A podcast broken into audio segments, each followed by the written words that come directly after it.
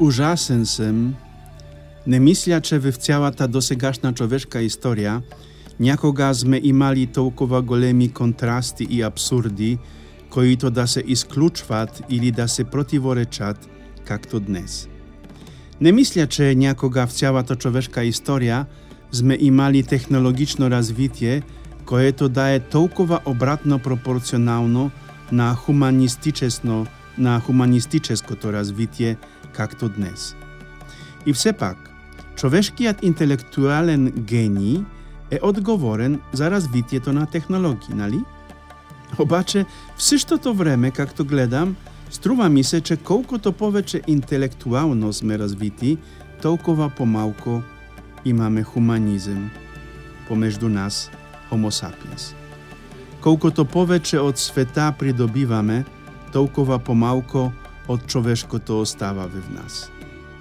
Всред всички материјални сештества на земјата, живите сештества на земјата, само хората притежават чувства на дубока емпатија и способност за метафизична обработка на данните и присвојаване на подходящи стојности кем тях.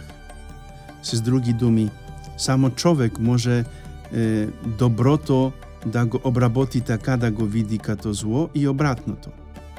Меѓувременно, тази характеристика започва да заема все помалку място в ежедневието ни.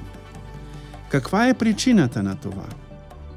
Мисля, че всичко това се дължи на липсата на подходящите примери, които да са отправни точки за живота ни. Като тинейджери имахме в стаите си плакати на нашите идоли, герои, певци, спортисти, актьори. Искахме да бидем като тях. Те бяха нашите ориентири в живота. Хм, какво общо има всичко това со светото семейство? Можете да разберете, като чуете днешния подкаст, към който ви каня сърдечно. Аз съм отец Кшиштоф, аз съм францисканец капуцин, живея в Инсбрук и от две години записвам подкастите под название Я мхм на латиница. Подкастите са на полски, на български и на немски, само че на немски са под название Цвай мисион. И във всяка събота от 12 часа можете да намерите новия подкаст с размишленията ми, моите размишления – односно неделните литургични четива. Кања ви срдечно всяка собота од 12 часа да слушате најновија подкаст, а на сајта jamhm.podbin.com имате всички подкасти од минаото, така че можете да слушате колкото искате. Кања ви срдечно.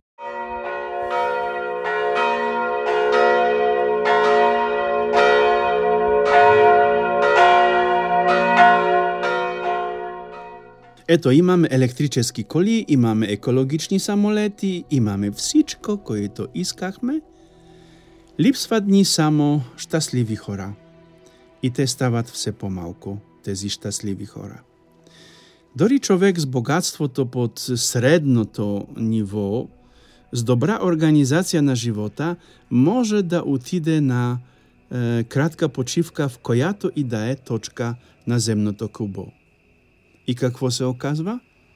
Че мога да правя всичко, мога да отида навсякаде, но все не съм щастлив. Където и да отида, когато вълнението от новото място утихне, моите демони и проблемите, които ме сепетстват от години, се завръщат. Какво се случва? Защо е така? Просто светът на ценностите ни, които от вековете били за нас ориентир в живота ни, се сринали. Много од светците и блажените од нашето време са говорили за така наречениот морален гребнак. Гребнатниот стълб, това всички знаете, во всеки жив организм е не само главната артерија на нервната система, но тој носи и поддржа цялото тяло. Счупването на гребначниот стълб води до невъзможност за движение и в оптимистичен вариант ограничение на двигателните умења и на цялото тяло, вклучително рецете и говора. Сештото важи и за моралниот гребнак. Счупването на този гребнак кара човека да се загуби и да загуби ориентација в този живот, в този свят, пълен с фалшиви или само временни ценности и да стане податлив на всякакви манипулации. Заштото границата меѓу доброто и злото днес е размита.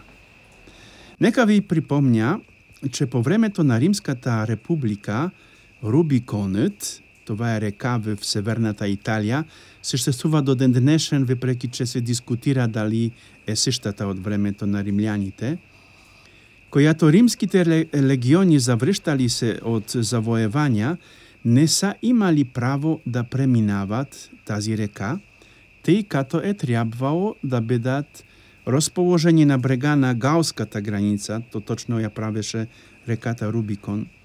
Преминаването на Рубикон на легионите означавало војна с Рим в цялата Римска република.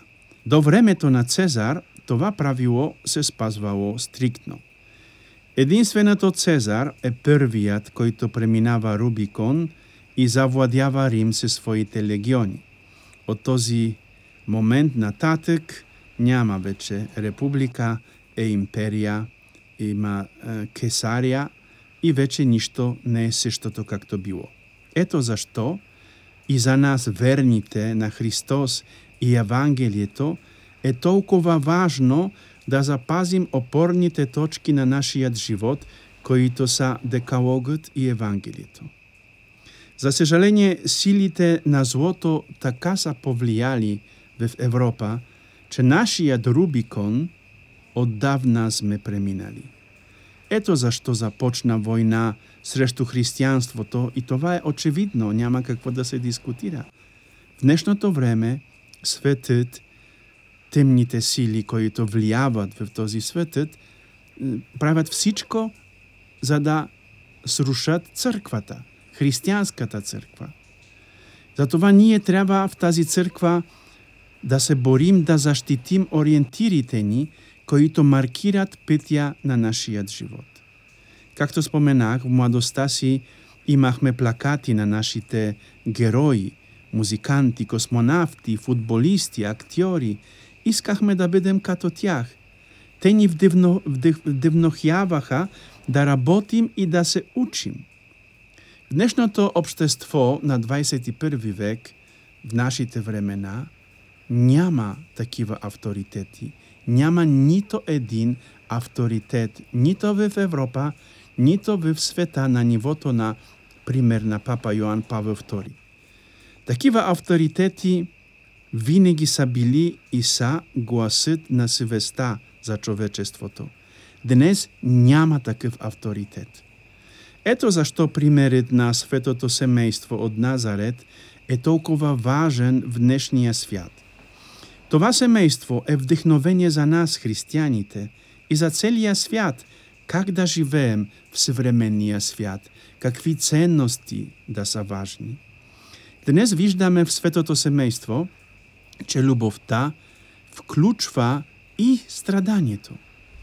Светото семейство на Јосиф, Марија, Исус ни показва, че въпреки трудностите на ежедневието, преследвањата, несправедливост, т.е. въпреки страданието, никој не изоставя никого, а в духа на любов всеки исполнява поверената му в това семейство задача. Днес, за съжаление, младите партньори, когато срещат трудностите, когато идва страданието, се взаимно напускат, не са в състояние да страдат. Демонът, на който Бог все още позволява да ни провокира и изпитва, е ударил именно по социалната основа на човечеството, т.е. по семейството, по семейната институция.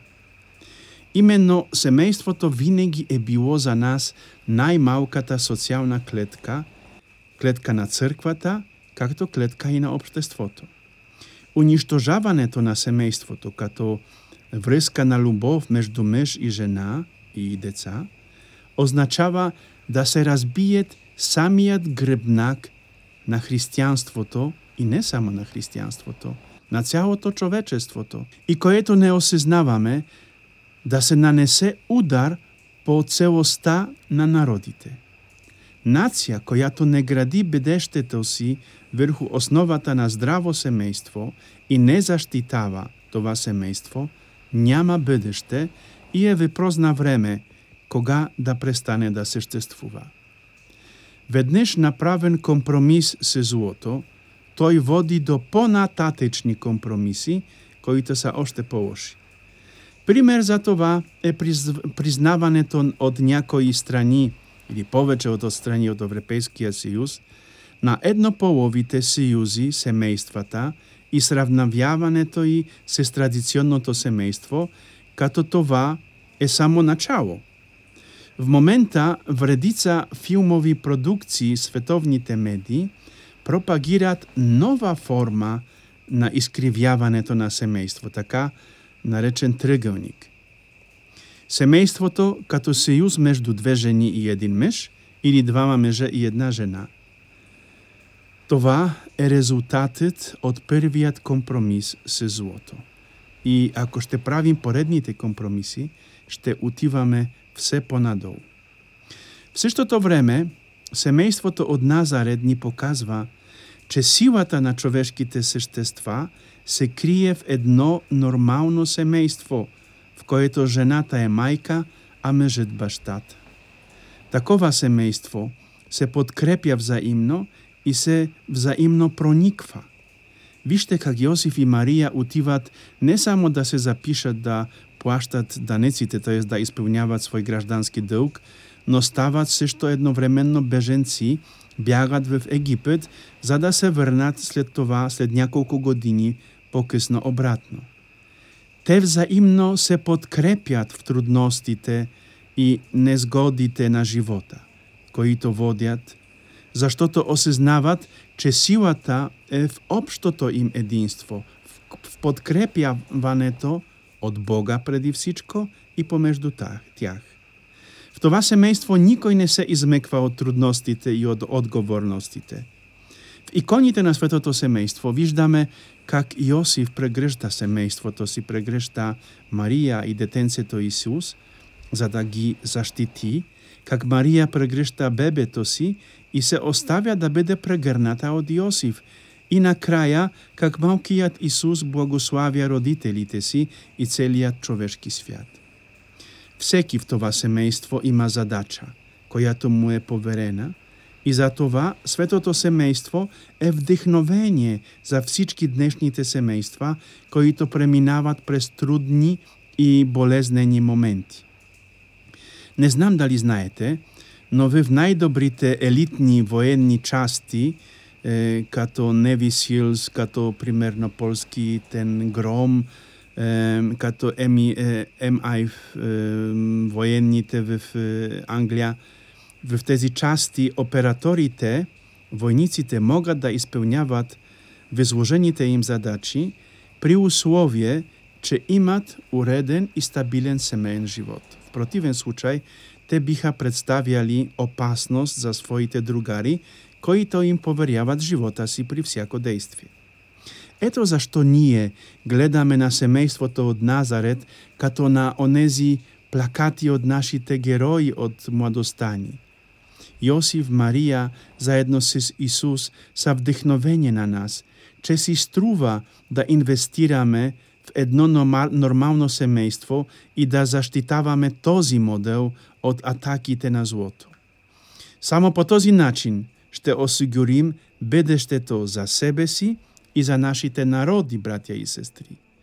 Кураж, братја, да вдигнем глави и да последваме примера на светото семејство, заштото те са били и са живели като нас.